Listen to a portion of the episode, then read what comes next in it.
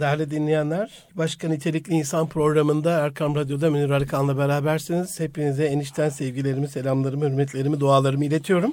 Hoş geldiniz efendim Gönül Bahçemize. Bugün başarımızın önündeki, kişisel gelişimimizin önündeki, hayat başarımızın önündeki 52 engelden en önemlilerinden bir tanesine geldik. Çok kısa bir hatırlatmak istiyorum. Ee, ilk hafta kendimizi keşfedememeyi Mehmet Ali Bulut abiyle işlemiştik. İkinci hafta bu keşfettiğimiz kendimize, yeni benimize inanamamayı, bir türlü inanamamayı Alişan Kalpaklıkaya kardeşimle anlatmıştık. Üçüncü hafta sosyal inanç eksikliği, hani çevresel etkiler, bizden bir halt olmaz, bizden bir köy kasaba olmaz falan, bu ülke adam olmaz gibi. Kemal Tekten abiyle e, Dili Şartun yapımcısı onu e, incelemiştik. Dördüncü hafta Sabah gazetesi yazarı Derli abim Şeref Oğuz'la e, hedef problemlerini e, ve bir hedefe sahip olamamanın bize kestiği faturaları incelemiştik. Hatırlarsanız e, geçen hafta Seyfullah Ekşi e, planlama yönetim danışmanı üstadı, planlama uzmanı, stratejik e, yönetim danışmanı Seyfullah Ekşi abiyle planlama eksikliği, eksik plan, yanlış plan bunların bizi hayat yolculuğunda nasıl tökezlettiğini işlemiştik. Bu haftada stüdyomda çok değerli bir kardeşim, dostum, kişisel gelişim uzmanı, eğitimci yazar, motivasyon gurusu İsmail Karasu e, kardeşim var. Abi hoş geldin. Hoş bulduk, sefalar bulduk. Bu, e, hafta farklı bir konsept e, geliştirdik e, İsmail kardeşimle beraber. Normalde uçağa kadar, 11 uçağa kadar ben konuşuyorum. Konuyla ilgili özet bilgiler veriyorum. E, 11-30-12 arasında da konukla soru cevap şeklinde gidiyorduk ama şimdi konunun asıl uzmanı buradayken e, ben dedim onu yarım saat bekletmek dinleyenlerime saygısızlık olur. Dolayısıyla beraber yani bugün biri fink olmayacak yarım saat iki fink olacak efendim. İkili gideceğiz. E, o açıdan size de bu ilgilendirme yapalım. Can dostlarım isteksizlik ve ataleti konuşacağız. Hiç kendinizi böyle hiçbir şey yapmadan öylesine bomboş atıl bir şekilde otururken dururken yakaladığınız oldu mu? Kendinizle yüzleşmeniz gerekiyor. Canınızın hiç böyle bir şey yapmak istemediği bir durumda kaldığınız anı yakaladınız mı? İşte tam da bu an, tam da bu hal atalet. Devinimsizlik deniyor sözlük anlamı itibariyle tembellik. Çalışmadan öyle oturma, gevşeklik, uyuşukluk, işsiz kalma, işsizlik, istemsizlik. Ama burada işsiz kalma ve işsiz olan arkadaşlarımız için hani onlar ataletli demek istemiyorum. Gidiyorlardır, araştırıyorlardır, bir işin peşindedirler. Ama rızık Allah'tan hani şu ana kadar olmadıysa e, olmuyor diye de pes etme durumudur atalet aslında ama olmuyorsa da olacak ümidiyle çalışmak işsiz kardeşlerimiz için bir atalet durumu değil. Değildir. Atıl kalma durumu yani. Ağır kanlılık, yılgınlık, yavaşlık, böyle hantallık işte bunların hepsi. Bizim aslında var böyle sözlerimiz arasında üzerine bir ölü toprağa serpilmiş gibi bir halde durma. Hareket etmeme ya da hareket etme ama yumurta kapıya geldikten sonra mesela hepimiz öyle değil mi İsmail'cim? Yani Hı. üniversitelerde okurken, okullarda okurken sınavlara ne zaman çalışılır abi?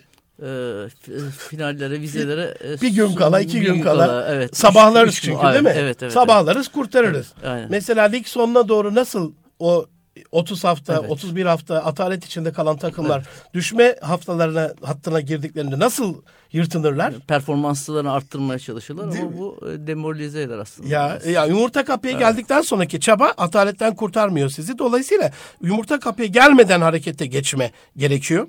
Kısaca ağır kanlı böyle ağır çekim hayat slow motion film gibi yaşayan insanlara atıl ve ataletli insanlar diyoruz. Ataletin içerisinde can dostlarım birilerinin aksine tembelliği içinde barındıran ama tembellikten farklı bir durum da var. Çünkü eylemsizlik hali atalet. Mesela bir örnek vereyim. Kadim derlerimize göre, kutsal kitabımıza göre Rabbimizin ilk emri oku değil mi abi? Evet, oku diyor. Peki kitap alırız. Dolayısıyla okumak da entelektüel birikimimizi evet. artırır. Değil mi? Okuyan kendini geliştirir. Yani kitap okumak zararlıdır diyen evet. birine rastladın mı abi sen? Yok. Ben hiç Yok. rastlamadım. Hı-hı. Okumayanlar bile faydalı ama diyor Hı-hı. duruyor atıl Hı-hı. bir vaziyette. Dolayısıyla kitap alıyoruz. Okuma yazmamız da var. Vaktimiz de var. Oku emrine vakıfız. Kütüphaneye koyuyoruz. Orada yıllanıyor. Evet. Aylanıyor, haftalanıyor. İşte tam da bu. Yani sonucu biliyorsunuz. Sizi cahil bırakacak. Okumazsanız bunu evet. biliyorsunuz.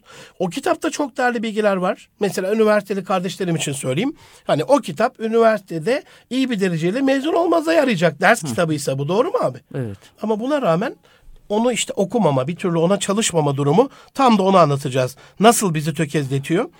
Ama tabii burada üniversiteli arkadaşlarım atıl demek istemiyorum onlara atalet. E, bir sevdikleri bir arkadaşından bir mektup geldiğinde sayfalar dolusu da olsa onu okurlar. Bir e-mail gelse okurlar. Sosyal medyada bir araştırma yapıyorlarsa, bir konuyla ilgili internette surf yapıyorlarsa onu o ona ayıracak vakitleri var. Dolayısıyla ataletin e, duyguyla bir alakası vardır. İngilizce'de çok sevdiğim bir şeydir bu motion, emotion. Hani hareket ve duygu. Bir duyguya bağlanması gerekiyor e, hareketin. O açıdan ben atalete bir duygu eksikliği, inanç eksikliği durumu diyorum. Yani bir duygu durum bozukluğu. Katılıyor musun abi? Evet. Duygusal yönü var mı atalette olmanın? E tabii ya duygusal yönü kesinlikle bir duygusal yönü var. O duygularımızı tabii aslında bunun özünde kendimizi tanımayla alakalı herhalde bir problem var. E şöyle ki hani hani duygusal zekanın bu beş yetkinliği var. Yetkinlik yeten e, anlamında geliştirilebilir anlamında hı hı. kullanılır. Biliyorsunuz matematiksel zekada da duygusal zekada geliştirilebilir. Şimdi orada birinci yetkinlik kendini tanı. Mesela Aristo 2300 yıl önce ya. diyor ki önce diyor kendini tanı diyor. Daha sonra Yunus Emre geliyor diyor ki e, ilim ilim bilmektir. ilim kendin bilmektir. Sen kendin bilmezsen bu nice okumaktır. E, bir ben vardır bende benden içeri. E, tabi buraya baktığımızda biz hani kendini tanıma ee, öncelikle bu ataleti yenmemiz için kendimizi tanımalıyız. Bizim problemlerimiz galiba buradan başlıyor. Kendimizi tanımıyoruz. Hani bunun için de hani filozoflardan bir tanesi demiş ki e, sorgulanmayan hayat Sokrat mı herhalde Sokrat olabilir. E, sorgulanmayan hayat hayat değildir. Öncelikle biz hayatımızı bir sorgulamalıyız. Neden bu atalet? Şimdi atalet dediğim zaman tabii ki kişisel ataletimiz var. Kurumsal atalet var, ülke yani millet olarak atalet her milletin farklı bir atalet insanlık var. alemi olarak bir İnsan, atalet tabii var. Tabii şu anki insanlık, insanlık aletinin yaşadığı bir şu an değil. tepki e, veremiyoruz ki şu Suriye'deki Aynen. yaşanan duruma. İnsanlık Aynen. ataleti var şu an Aynen. yani. Aynen. E, var olanlar da ya tepki verenler de, ye, de yeterli derecede tepki ver az. Abi yani. o zaman biz doğru yerden başlamışız. Yani evet. hayat başarısı önündeki engellerden e, bahsederken önce kendini keşfedememekten başladık biz de programda. Evet. İlk bölüm oydu. Doğrudur. Kendimizi keşfet. Evet, kendimizi keşfetmek önemli burada. Hani dedik ya kendini tanım, kendini keşfetme. Nasıl kaşifler e, bilinmeyen yerleri keşfetmek için e, gidiyorlarsa biz de hayatımızı kendimizi daha birimizi e, arttırmamız için performansımızı arttırmamız için e, ataleti yenmemiz için kendimizi keşfetmeliyiz. Bu bir keşif süreci aslında hani bu kişisel gelişim biliyorsunuz yıllardır üzerinde çalıştığımız konular. Kişisel gelişim ve değişim bir süreç yani bugün başlarsan belki bir yıl sonra, belki üç yıl sonra, belki beş yıl sonra fark edecek bir süreç. Ama bugün başlamak kaydıyla. Evet işte bu ataleti yenmek için dediğimiz gibi öncelikle kendimizi, kendimizi tanıma, tanıma yolunda. E, İnsan kendini ben, tanı. Abi tabii, şeyde de var ya şimdi, hani kutsi hadiste evet. men arafe nefse arafe rabbe. Hani evet. nefsini bilen Rabbini bilir, Rabbini bulur. Eyvallah. Kendini Hı. bulan Rabbini bulur. Evet. Arada da sorgulamak lazım dedin ya. Hı hı. Abi zaten özü o yani. Her söylediğin şey böyle farklı kapılar açıyor İsmail'cim. Evet. Allah razı olsun. Der dinleyenler Erkam Radyo'da e, kişisel gelişim uzmanı bu haftaki konuğumuz İsmail Karasu kardeşim. Münir Kan'la Nitelikli İnsan programı devam ediyor.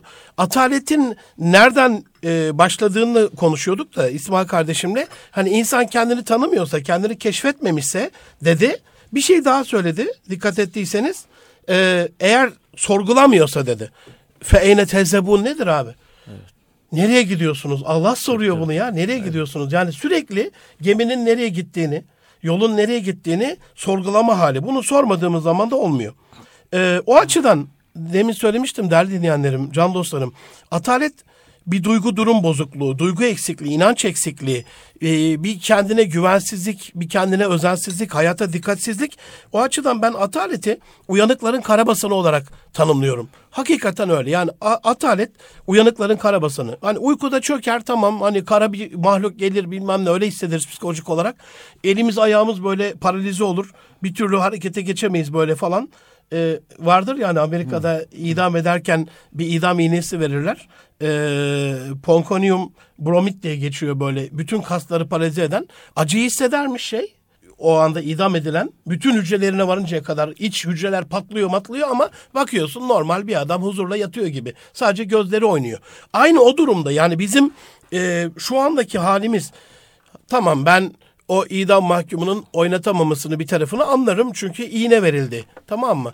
Ee, veya karabasan durumunda uykudaki adamın hiçbir tarafını oynamamasını, oynatamamasını, karabasandan kaçamamasını anlarım. Peki abi uyanıkların karabasanı nedir yani? Onların hiçbir şey yapamaması nedir? Evet e, bu işte Onu anlayamıyorum Peki. abi işte. e, belki modern dünyanın bize dayatmalarını da yaşıyor olabiliriz şimdi biliyorsunuz hani X, Y, Z kuşakları var ya şimdi Evet. mesela şimdi 2000'den sonra doğanlara biz Z kuşağı diyoruz. Biz X kuşağız 60 ile 80 arasında doğanlara 80 ile 2000 arasında doğanlara da Y kuşağı. Hani bir, bir ara biliyorsunuz tak çalıştır vardı. Şimdiki kuşak tak çalışsın istiyor. Evet. Tamam mı? Bakın ataletti yani. Evet. Tak çalışsın. Her şey hazır istiyor. yani. Her Hazır. şey Şimdi hazır. bedel ödemeden bir şeyi elde ettiğin zaman onun pek de kıymetini kadrini bilemiyoruz. Öncelikle bu bedel ödemeyi ortaya koymamız gerekiyor. Ataleti yenmek için e, yani e, hedefle tabii ki burada öncelikle hedeflerimizin olması gerekiyor. Yani kişi yine dönüyoruz o başa hayatını sorgulama diyoruz ya. Hayatını sorgulama. Ya ben ben bu dünyaya niye geldim? Önemli bir soru. Sorular. Soru sormak çok önemli bir şey. Soru sormak. Anthony Robbins de Kaliteli sorular sormak. Değil harikasın. E, Münir'cim, e, Anthony Robbins içindeki Devi Uyandır kitabında da bunu özellikle e, vurguluyor.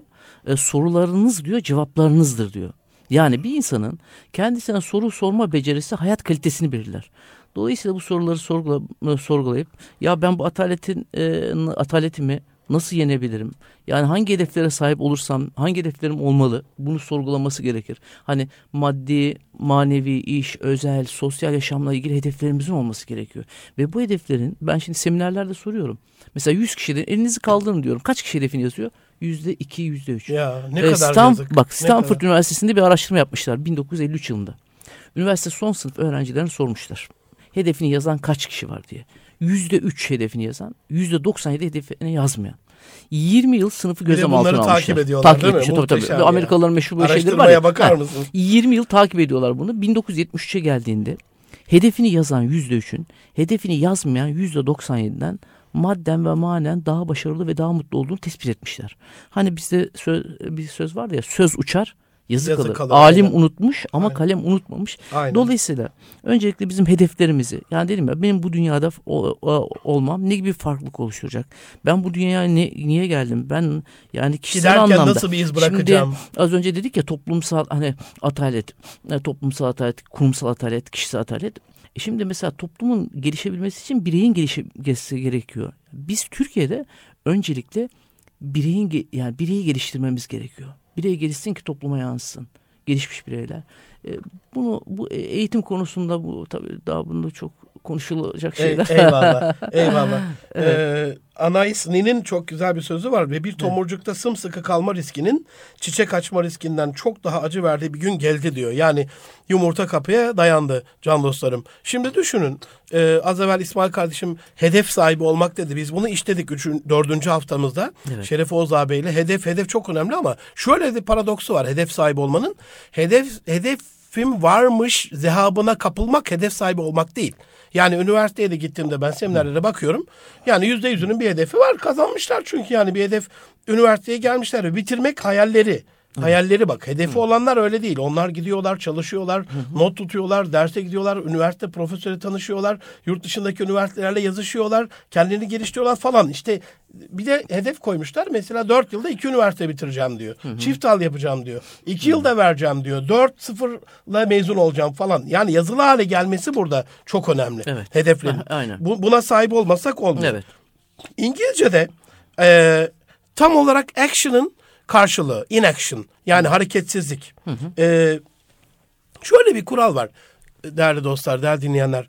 Nerede ve hangi konuda neye ısrar ediyorsanız o yönünüz gelişiyor. Yani yapmakla yapmamak arasında tercih sizin. Yapmamakta ısrar ederseniz ataleti geliştiriyorsunuz. Yapmakla ısrar ederseniz yapma kaslarınız, yapma duygularınız, yapma düşünceleriniz gelişiyor. Dolayısıyla atalet her, her ne kadar sizdeki bu atıl kalma, hareketsiz kalma durumuysa da rakiple de bir alakası var. Yani bir kişi düşünelim, hedefi var, kendini tanımış ve bu doğrultuda ilerliyor. Ve bu kişiye göre de bu ilerleme çok çok iyi olduğunu düşünelim. Ama 7 milyar insanla bunu kıyaslamayacak mıyız? Onun için dedim global atalet de var. Dünya insanları da var. Yani bugün mesela bizim üniversitedeki arkadaşlarımız 4-0'la mezun oldular. Veya 4 yıllık üniversitede 2 yılda bitirdiler. Veya üniversite birincisi oldular.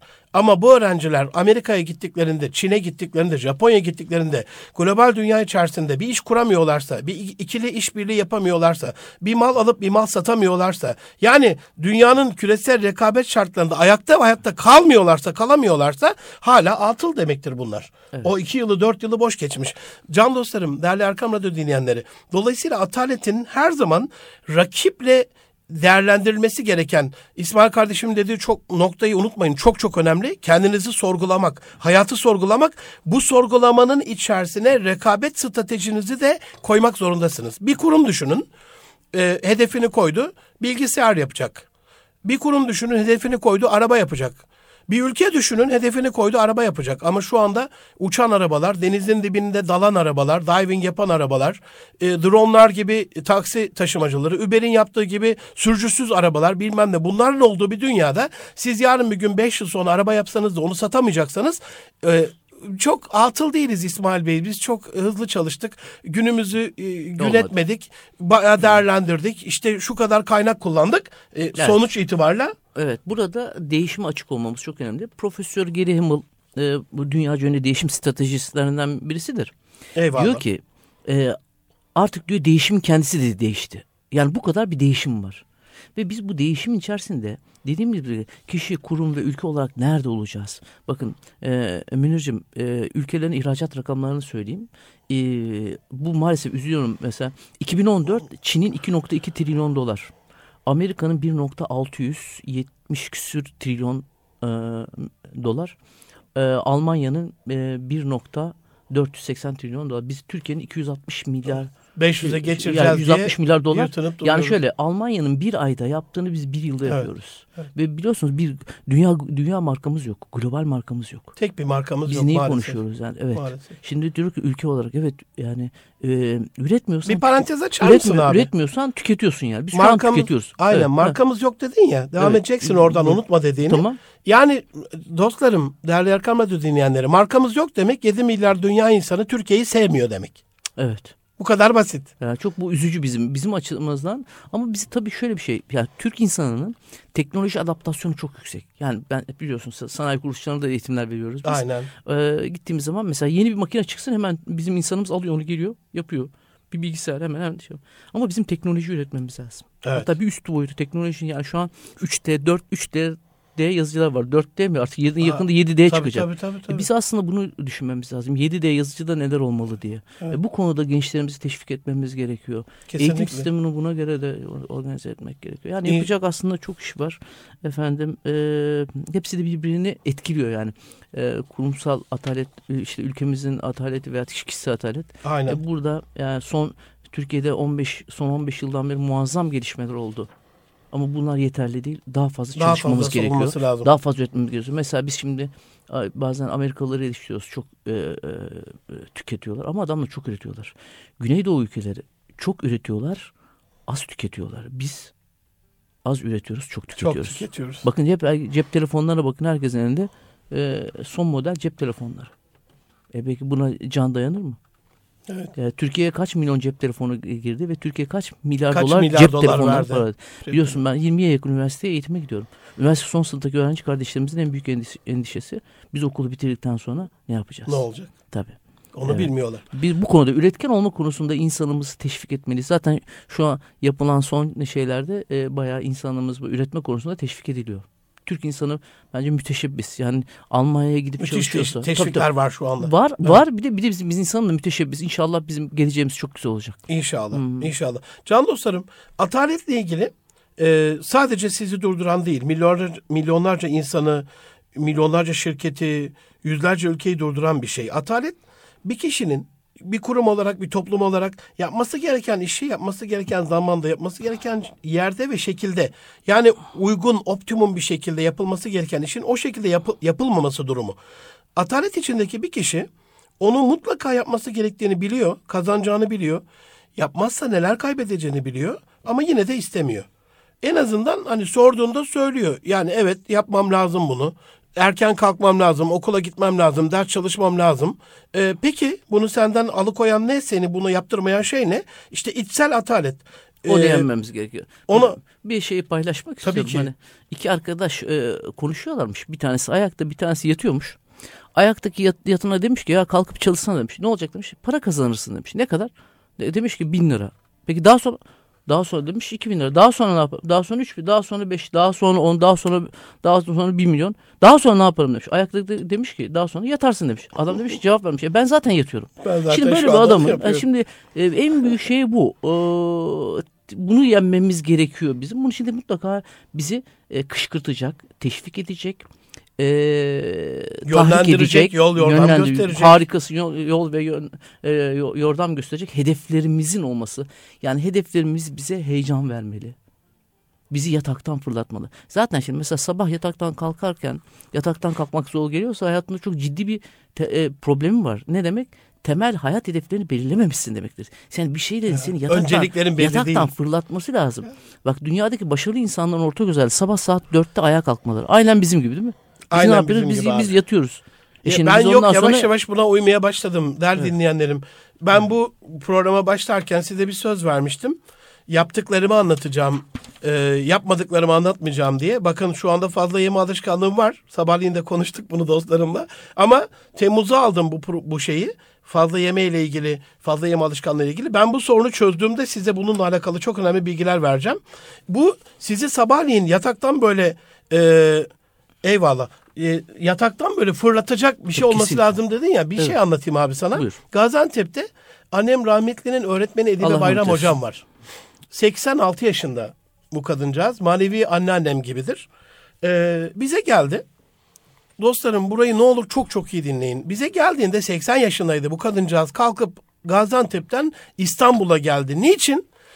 45 yıl evvel hatırını sayan bir öğrencisinin çocuğuna izzet ikram için. Kadir Şinaslığa bakar mısınız? Bu eski insanlar, asil insanlar kalmadı çok fazla dünyada.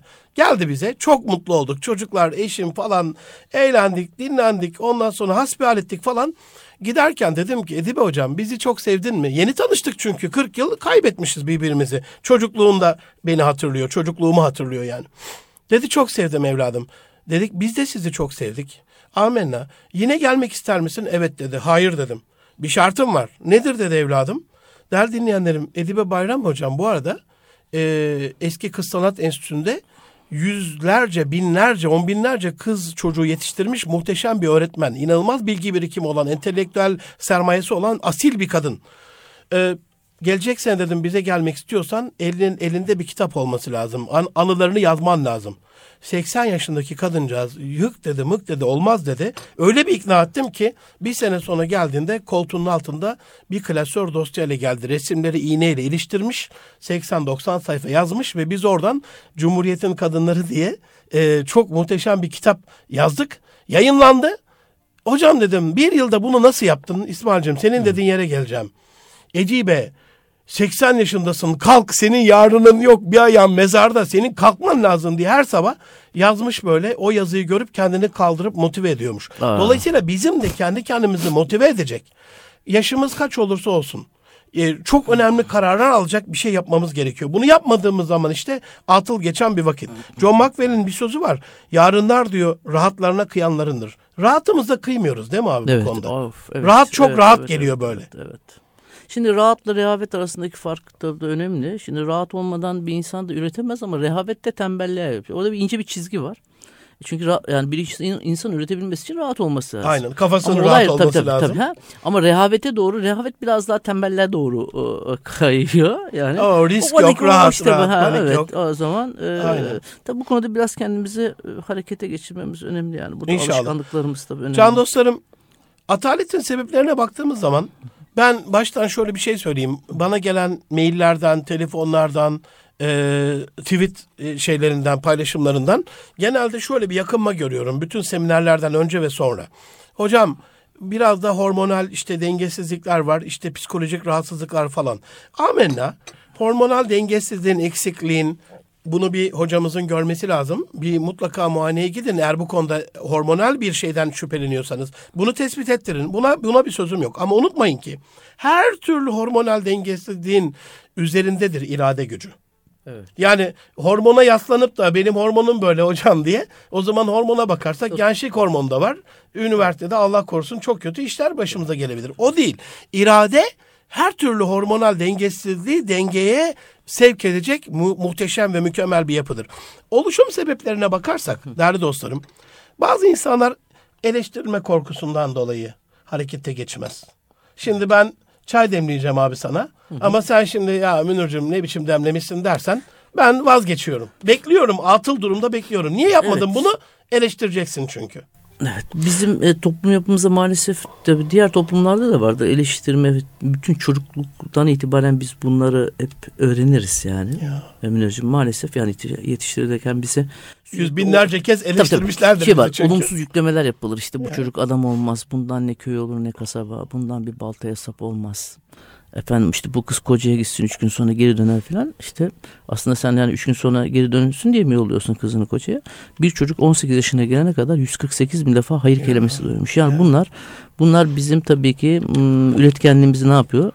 Engelliyor. Bu konuda tabii ki bizim öncelikle de alışkanlıklarımızı sorgulamak. Yani bizi atalete sevk eden birçok alışkanlığımız vardır. Kesinlikle. Yani şöyle Stephen Covey Etkin İnsanların Yedi Alışkanlık kitabında da bunu baltayı bileme bölümünde anlatır. Ee, bir insanın bakın sürekli uyuması, sürekli gezmesi, sürekli dinlenmesi, sürekli televizyon seyretmesi, sürekli internette Bir kaçış değil mi bunlar abi? Harikasın. Bunlar kaçış faaliyetleridir. Kendine ve yüzleşmiyorsun. Diyor, ve der ki Stephen Covey bunlar sizi helak eder. Ya. Yok eder. Biz buna ben de dahil olmak üzere. Bakın şimdi bazen açıyorum şey telefon Twitter'da o bak mesela saatlerimiz geçmiş. Bu Kontrollü. Atal, tabii tabii. tabii ataletimizi ne yapıyor? Ee, ta, şey yapıyor bizim. E, atalete sevk ediyor bunlar biz. Aynen. Uyuşturuyor yani. Aynen. Bir uyuşturucu vazifesi görüyor. Aynen. Evet. Tabii bu baltayı bile meselesinde iki güne eşit geçenin de zararda olduğu hadis-i şerifini söylemeden geçemeyiz. Evet. Orada muhteşem bir örnektir o değerli dinleyenlerim. Ee, iki ormancı gider ağaç kesmeye. Sabahleyin başlarlar, öğlenleyin buluşurlar orta noktada. Çıkınlarını açarlar, yemeklerini yerken sorar öbürü. Kaç ağaç kestin der 80 tane. Öbürüne sorar ben 10 tane. Haksızlık der ben 10 tane kesiyorken sen nasıl 80 tane? Ben der arada yoruldum 10 dakikada bir dinlendim. Dinlenirken de e, baltamı biledim. Dolayısıyla kendimizi yarınlara bilemezsek iki yönümüz eşit geçiyorsa olmuyor. Eleştirme korkusundan dolayı eyleme geçmez demişim insanlar.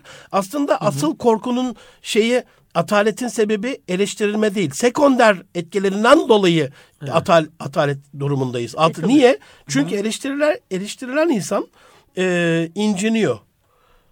Kişiliği evet. bozuluyor. Kendini kötü hissediyor. Yoksa eleştirinin hı hı. ya bu çay nasıl olmuş şun bunu herkese söyleyebilirsin. Evet. Bu çay nasıl olmuş hiç kimseye psikolojik bir rahatsızlık oluşturmaz. Ama evet. sen e, yeni evlenen bir kızcağıza kayınvalidesinin yanında hı. kayınpederinin bu çay nasıl olmuş diye bütün misafirlerin huzurunda söylemesi boşanma sebeplerinden biri haline gelebiliyor bana gelen vakalarda. Hocam hı. beni rezil etti diyor çünkü. Dolayısıyla korkmayalım can dostlarım. Eleştirilme korkusundan korkmayalım. Her eleştiriyi bir hediye gibi, kendinize verilen bir hediye gibi kabul edebilirsiniz.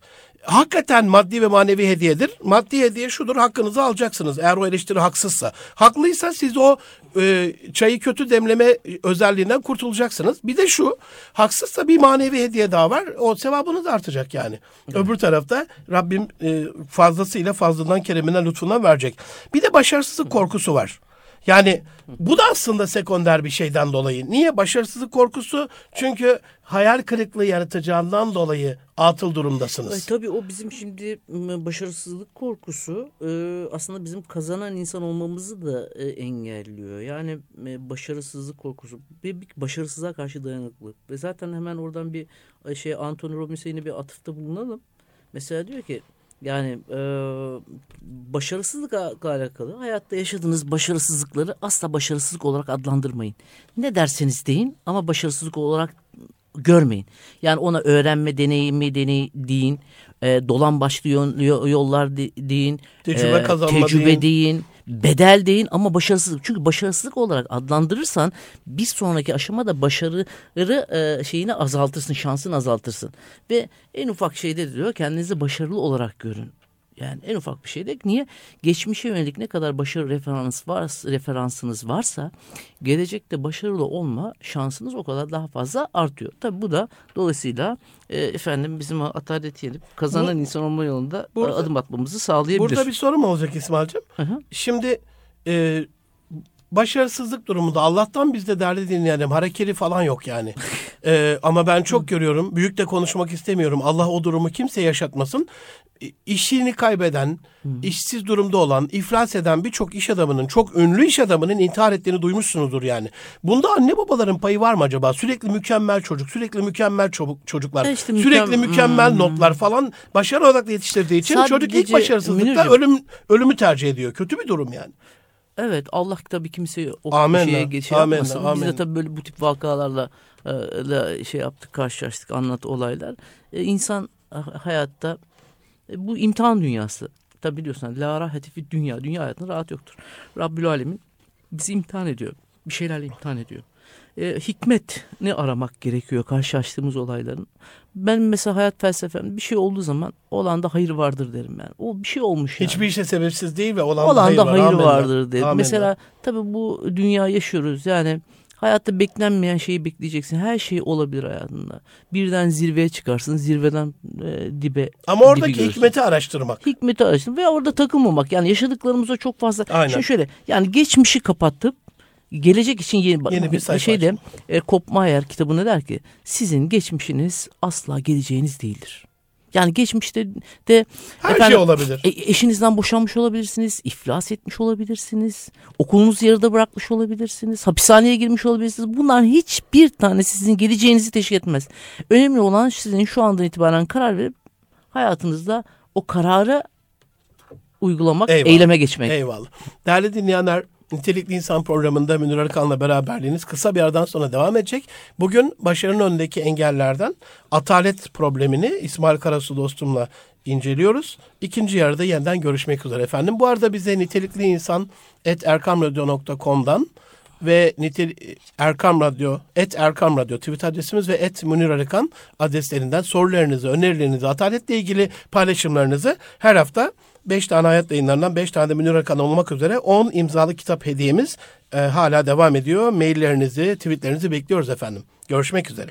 Değerli Erkam Radyo gönüldaşlarım, Erkam Radyo'da Münir Arıkan'la Nitelikli İnsan programına kaldığımız yerden devam ediyoruz. Bu hafta başarımızın önündeki engellerden kişisel, kurumsal, ülkesel, global ataleti konuşuyoruz. Sevgili dostum İsmail Karasu kardeşimle. Programa ara vermeden evvel geçmişiniz ne olursa olsun gelecekle ilgili başarırsınız mutlaka buna inanın demişti İsmail kardeşim. Evet. Ee, Rümeysa Hanım hocam diyor geçmişimiz geleceğimiz e, değildir vurgusuyla girdik ama Hı. sürekli aynı hatayı tekrarlamak geçmişiniz geleceğiniz değildir. O da geleceğe olan inancımızı biraz kırıyor sanki. Bu sefer başarabileceğimize gerçekten nasıl ikna edeceğiz diye güzel bir soru sormuş. Adresini yollarsa e, e-mail ile imzalı kitabını yollarız. Burada tabii 52 maddelik 52 haftalık bir e, başarı programından bahsediyoruz. Hepsine uymak kaydıyla sadece e, ben düştüm kalkıyorum diye orada moral gerekiyor, motivasyon gerekiyor, özgüven gerekiyor. Ama mutlaka mesela batıda bu çok e, önemlidir. Özellikle iş dünyasında CEO'ların kaybetmişlerini ararlar. Böyle arayan brain hunter dediğimiz beyin avcıları vardır. Kaybetmişi arar. Çünkü o nerede kaybettiğini biliyordur. Nerede hata yaptığını biliyordur. Bunun nasıl kendisine faturalandığını biliyordur. Evet. Bizde de özgeçmişi pırıl pırıl parlak, hiç hata yapmamış, tecrübe kazan. Dolayısıyla tecrübesi olmamış insanlar araştırırız. İlk e, hatasında da büyük bir yıkım gelir. Dolayısıyla mutlaka e, bu sefer başaracağımız olan inancımızı e, yüksek ve taze tutmamız lazım. Can dostlarım ataletin sebeplerinden bahsediyorduk. E, eleştirme korkusu, başarısızlık korkusu. Biraz da özgüven eksikliği var atalette. Ya ben yapamam. E, ben şimdi bu konuşmayı nasıl yapacağım? Ben o kitabı nasıl yazacağım? Ben o radyo programını nasıl yapacağım? Ben gidip onunla nasıl tanışacağım? Ya şimdi ben gidip e, ben yavrularıma çocukluklarından beri İsmail'cim, üç yavruma da iki buçuk, üç yaşından itibaren ayakları üstünde yani dışarıda elimden tutup yürüyüşe gittikleri her yerde bunu deneyimletmişimdir defalarca. Hmm. Mesela bir kuaföre girip kuru yemiş sordurmuşumdur. Sorabiliyorsa yarın bir gün hata yaptığında eleştirilmez. Çok nadiren evet. bir e, kuafördeki hanımefendi çıkıp kızım burası kuaför saç kesilir kuru yemiş karşıdadır demiştir. Öbürleri gülmüştür. Ha bura kuaför kuru yemiş ne gezer. Affedersiniz ya salağa bak ne soruyor falan diye. Önemli değil. O deneyimi yaşaman gerekiyor. Hmm. O deneyimi yaşamak. Hani vardır ya Türk filmlerinde bir hmm. zamanlar asil ama gururlu fakir bir genç vardı falan. Hmm. yani o eleştirme duygusundan korkmadan devam etmek gerekiyor. Özgüvenle ilgili evet. bir şey demek ister misin abi yoksa Şimdi, şeye geçeceğim. Amirlerine evet. kızgınlık evet. maddesine geçeceğim. E, tamam şimdi ee, söyleyelim, tabii ki söyleyelim. Şimdi özgüven zaten özgüven olmazsa olmaz. Niye ee, güvenmeyiz öze? özümüze. Yani tabii burada şimdi yine hani bir şeye ilk şeye atıfta bulunacağım. Yani kendini tanımayla alakalı bir yetiştirilme tarzımızla alakalı. Ee, yani o çok e, örselendik yani örseleniyor. Onun için insanlar özmöz kalmıyor. Özmöz kalmıyor. Kendine olan güvenini yitiriyor. Tabii şimdi şimdi Batı ile Doğu'yu karşılaştığında mesela hani Amerika'da işte 18 yaşına ulaştığında çocuk evinden ayrılıyor ama bizde öyle bir şey yok bize hala da e, evli ve evli de olsa sahibi tabii tabii 50 yaşında anne 50, gönderir. 50 yaşında da olsa kişi babasına e, babası annesi yaşıyorsa onun fikrini alır işte bizde. Yani bunu burada da dengeyi şey yapabilirsek, koruyabilirsek e, o yani özlem yani kişinin bir yap, bir şey yapabilecek konusunda olan özgüveni. Çünkü tabii ki bu özgüven olmadan da e, kazanan yani dediğimiz e, kazanan kişi yani proaktif kişide de geçiş olmuyor. O özgüvenin olması lazım. Ben yapabilirim duygusuyla kişinin dolu olma, olması gerekiyor. Zaten yani NLP'de de NLP'de de bunu çok güzel biliyorsun vurguluyorlar. Dünyanın bir yerinde bir insan bir şey yapabiliyorsa bunu sen de bir yapabilirsin. engel yok yapabilirsin. Yok. Ama işte dediğim gibi o özgüven yetiştirilme tarzı e, biz hani ben biliyorsun bizim zaman okuduğumuz zaman ilkokulda siyah önlükler vardı. Hatırlıyor musun? Daha Aynen. sonra Aa, ne olduysa Beyaz Münir'cim, Münir'cim onlar daha sonra maviye döndü. evet. Yıllarca bize bak tek tip. Tek tip. Yani e, yani ma maalesef bu biliyor musun? Kara Peki, tahtalarda. Şimdi nerede özgüven, Kara özgüven nerede olsun bu çocukta? Aynen. Bir de rahat, hazır ol. Mesela yine hemen şey hemen sana bir şey daha söyleyeyim sana. Mesela Peter Drucker e, der ki 3. dünya ülkelerinde veya gelişmekte olan ülkelerde askerliğin uzun olmasının bir tek sebebi vardır. İnsanlara emir almayı öğretmektir. Bakın bu 15 Temmuz'da bu darbenin başarılı olmamasının önemli sebeplerinden bir tanesi insanlar artık Türkiye'de emir almayı unuttular emir veremez. Ne diyor o şeyin önünde, kulenin önünde? Darbe oldu diyor. Adam dönüp diyor ki askere ne darbesi kardeşim diyor. Niye? Çünkü adam emir almayı unutmuş kardeşim. Sen bu adama artık bir şey söz geçiremezsin. Evet bu. Elhamdülillah evet, bu bizim ki öyle. işte işte Elhamdülillah evet. Ki öyle. Yani şu anki yeni yetişen nesilde o özgüveni ben görüyorum. Evet. Ama yeterli mi değil? Geliştirilebilir mi? Kesinlikle geliştirilebilir ve geliştirilmesi lazım. Değerli dinleyenler sıkı durun çok çok önemli bir yere geldik. Öyle bir önemli bir yere geldik ki bu ülkede tepe yönetiminde var olan bütün değerli dostlarımızın, Sayın Başbakanımızın, Sayın Cumhurbaşkanımızın bile yakındığı, çözemediği, en büyük problem olarak gördüğü bir yere geldik. Bürokratik oligarşi. Şimdi siz bürokratlar falan deyince böyle çok hareketli bürokrat dostlarım sakın alınmasınlar. Onların arka planındaki o kökleşmiş hantal yapıdan bahsediyorum.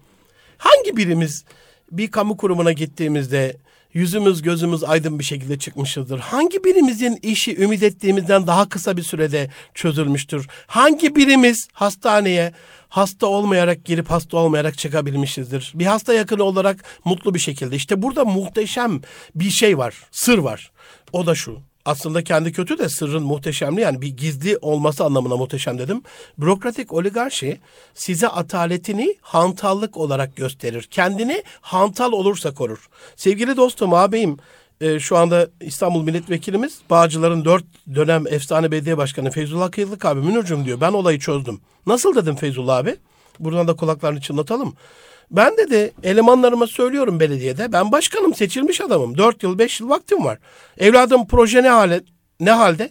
Başkanım yetiştiriyoruz. Yetiştireceğiz başkanım. Yetişir başkanım. Oğlum evladım proje ne durumda? Başkanım yetiştiriyoruz. Yetiştiririz. Yetiştireceğiz başkanım. En sonunda Münir'cüm dedi. Üçüncü dönem anladım dedi. Adam yalan söylemiyor. Onun yetiştireceğiz dediği süre 25-30 yıllık emekliliğine kadar ki süre. Benim 4 yılım var. Dolayısıyla ben o 4 yılda yetiştiremezsem e, ben bir daha oyalamayacağım ki insanın evet. gönlüne giremeyeceğim ki. Dolayısıyla ne olursa olsun bürokratik hantallığın, bürokratik oligarşinin önüne geçilmezse bu ülkede Türkiye daha çok e, konularda hayıflanacaktır. Böyle bizler de bunun üzerinde program yapıp saatlerce konuşacağızdır. Buradan devletin her kademesindeki can dostlarım, bürokratlarımıza, hepsi birbirinden kıymetli değerli abilerime sesleniyorum. Mesela bunların başında iki tane benim çok yakinen tanıdığım, çok sevdiğim, seminerlerimde ismen anlatıp isimlerine dua aldığım e, Serdar Çam Bey var, TİKA'nın başkanı. Allah bütün bürokratlarımızı onun kadar enerjik, onun kadar böyle atalet düşmanı eylesin. Bir günde neler yaptığını, bir aya neler sığdırdığını, bir yılda dünyada ne projelere imza attığını Allah rızası için can dostlarım erinmeyin. Et TİKA e, web sitesi tika.gov.tr girin. Bir bakın Türkiye Cumhuriyeti adına dünyanın bütün ülkelerinde neler yapmışlar.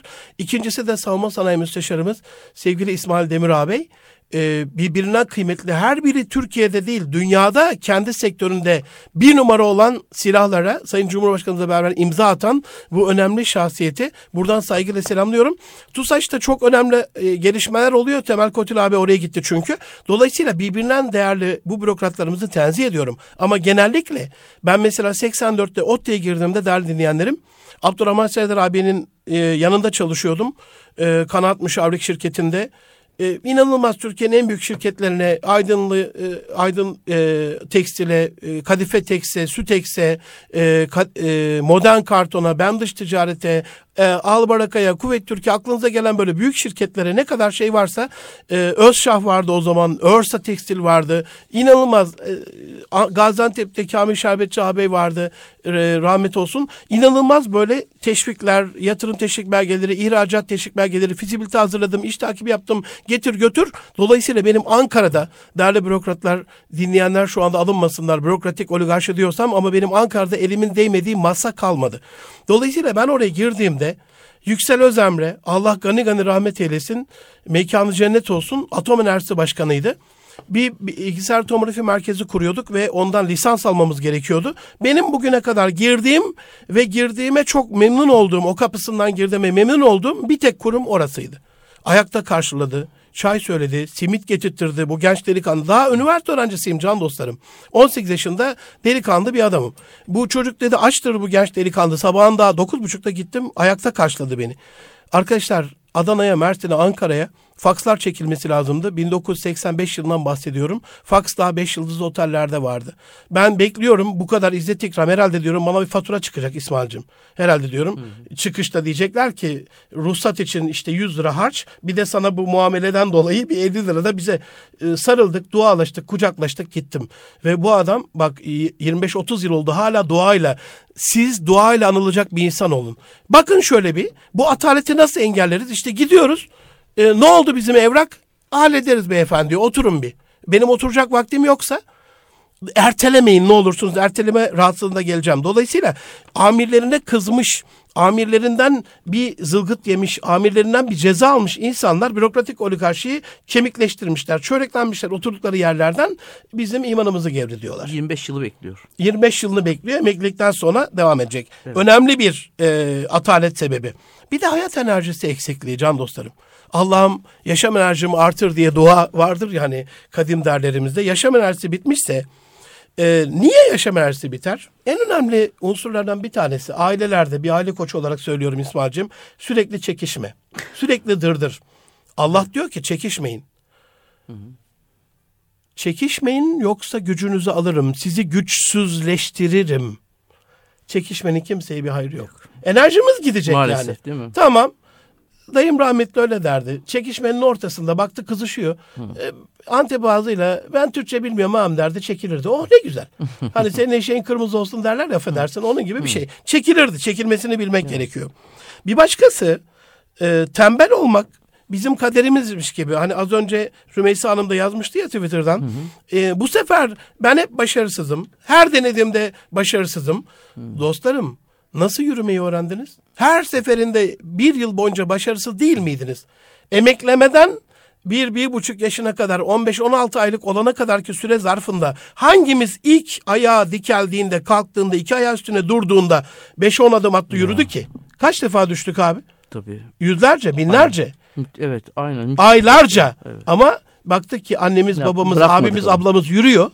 Evet. Yürümeye olan inancımız arttı ve biz burada devam ettik. Dolayısıyla tembel olmak kalmadık değil mi? değil. Bırakmadık orada ya ben yürüyemiyorum artık falan. Hiç hiç hiç öyle bir şey olmadı. Evet.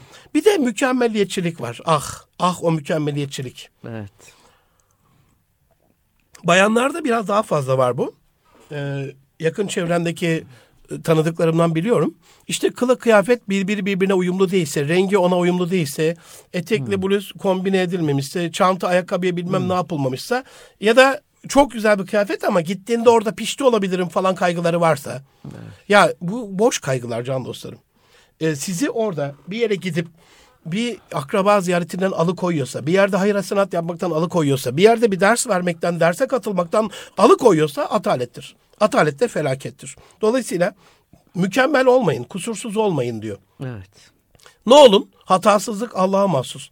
Günahsızlık peygamberlere mahsus. Deneyin. Geç geç kalmaktan korkun. Çünkü düşünün bilgisayar yapacağım ben, araba yapacağım ben. E, 2017'ye kadar beklemişim. Niye? En mükemmelini yapacağım. Tamam da ben şimdi en mükemmelini yaptığımda rakiplerim uçan arabayı yapmış olacak.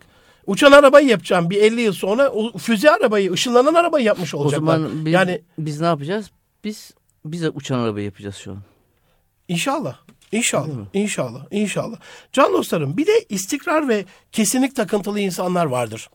Hep işlerin yazdıkları plan doğrultusunda gitmeyi isteyen, hep böyle minik minik rutin kontrollerle böyle e, hayır bu kadar da değil. Yani Ali Emre dostum der ki Türkiye'ye ilk bu zaman yönetimi inşallah programa davet edeceğim. Seminerlerini getiren Temay'ın başkanı. E, hayatı planlayın der. Sadece zamanı değil. Zamanı planlarsan çünkü şey olur, robotik olur böyle. Bir de hayat yaşıyorsun. Onun için ben seminerlerde zaman yönetimi semineri vermiyorum İsmail'cim. Zaman ve yaşam yönetimi semineri veriyorum. Evet. Her şey kusursuz olacak diye bir şey yok. Hep istikrarla olacak. Az evvel İsmail Karasu kardeşim söyledi. Hayat bu. Kaderin üstünde bir kader, göklerden gelen bir karar varsa bazen Allah sevabını artsın diye. Bazen seni denemek için başına bir bela, musibet verebilir. Seni bir, bir şeyle imtihan edebilir. Ee, senin bundaki buna karşı tepkini ölçüyordur. Dereceni yükseltiyordur. Gücünü artırıyordur. Kaslarını duygusal, fiziksel, Ya ruhsal ha- hayat kaslarını tabii ki geliştiriyordur. şöyle Emre hocam hayat böyle mevsimler gibidir yani bazen kış olur bazen Ya. yaz olur bazen ilkbahar olur bazen yani her yani hayatta düştüğümüz zaman da olur kalktığımız zaman da olur düşeceğiz kalkmasını bileceğiz daha doğrusu. Yani düştüğümüz yerde kalmayacağız. Ee, o şeyi o heyecanı bizim oluşturmamız gerekiyor. Hayat içerisinde her an her şeyle insan karşı karşıya e, kalabilir. Eyvallah. Yani beklenmeyen şeyi bekleyeceksin hayatında. Yani burada biraz daha hani denge var ya dengeyi hayatta dengeyi yakalayabilmek. Ee, yani bir şeyi kazandığın zaman aşırı sevmeyeceksin. Bir şey kaybettiğin zaman aşırı üzülmeyeceksin. Eyvallah. E, bu Eyvallah. sefer kendi bu sefer dolayısıyla yani kontrol senin elinde olacak. Yani kontrol senin olduğu elinde olduğu zaman e, hayata bakış açın, hayatla ilgili bağlantılarını daha verimli bir hale e, sokmuş e, olacaksın. Eyvallah. Can dostlarım Erkam Radyo'da Münir Arkan'la Nitelikli İnsan programında e, sevgili dostum İsmail Karasu e, bu haftaki konuğumdu. Yavaş yavaş programın sonuna geldik. E, birazdan programı bitirmek zorundayım.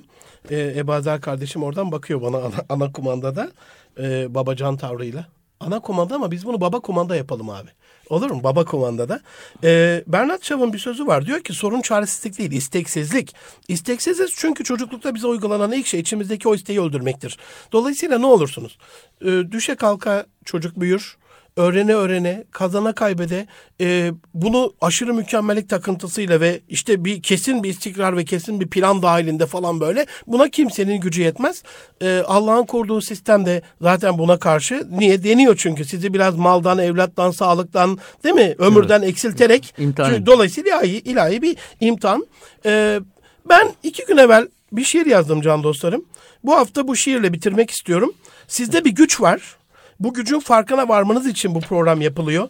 Mükemmel bir varlık olduğunuzu hissettirmek üzere, bunu başaracağınıza dair olan inancınızı keskinleştirmek üzere bu programın asıl yapılma sebebi sizin başarınız. Sizin başarınız bizim başarımız, bizim başarımız ülkemizin, alemi İslam'ın, bütün dünyanın başarısı olacak inşallah. İyilik bütün dünyayı kapsayacak. Dolayısıyla başarınıza ihtiyacımız var. Bu hafta e, bu minik şiirle e, bitirmek istiyorum. Biraz da buna 50 yaş sendromu diyebilirsiniz. E, artık 50 yaşımdayım. E, 3 Mart 1967 e, kaporta doğumu, ruhsal doğumu 2017 e, 2000 yılı 31 Mayıs 2017 yaşındayım diye kendimi avutuyor da olabilirim ama sonuçta yarım asırı devirmiş olduk. E, can dostlarım, şiirimin adı Hayatı Boş Yaşama.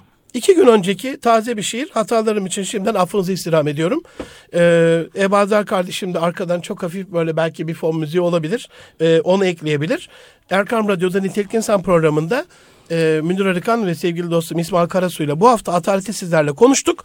Ataleti yenmenize yardımcı olacağını ümit ettiğim bu şiirimle e, size şimdilik bir elveda diyorum. Şahane şaşa kalır senin kemalin görse. Mükemmel baka kalır senin cemalin görse. Sendeki iz kusursuz, olma öyle umursuz. Son peygamber kılavuz, hayatı boş yaşama. Haydi keşfet kendini, gör sendeki tezyini. Artık alt et nefsini, hayatı boş yaşama. Şakilen fıtratındır, imanın beratındır, ahiret vuslatındır. Hayatı boş yaşama. Parmak izin benzersiz, yeteneklerin eşsiz, Kalma öylece işsiz, hayatı boş yaşama. Yap ah senu amela, belirlensin tabela. Eşrefi mahlukatla hayatı boş yaşama. Ve kerramna Adem'e, yüsevviye benane, deme sakın bana ne, hayatı boş yaşama. Matümnunla bir atım, meniden yaratıldım. Hilkat ah seni takvim, hayatı boş yaşama.'' Nutfe, alaka, mudga, sonra oldu izame, giydirildi de lahme, hayatı boş yaşama. Sır illa liyabudun, şeytan yapmıyor efsun. Bak ne oldu Firavun, hayatı boş yaşama. Hoş bir seda ol şimdi, baki kalan kubbede. Ey Münir yaşın elli, hayatı boş yaşama. Ya sus ya hayır söyle. Korkma sen dokuz köyle. Hakkı hakikat eyle. Hayatı boş yaşama. Hoşça kalın can dostlarım.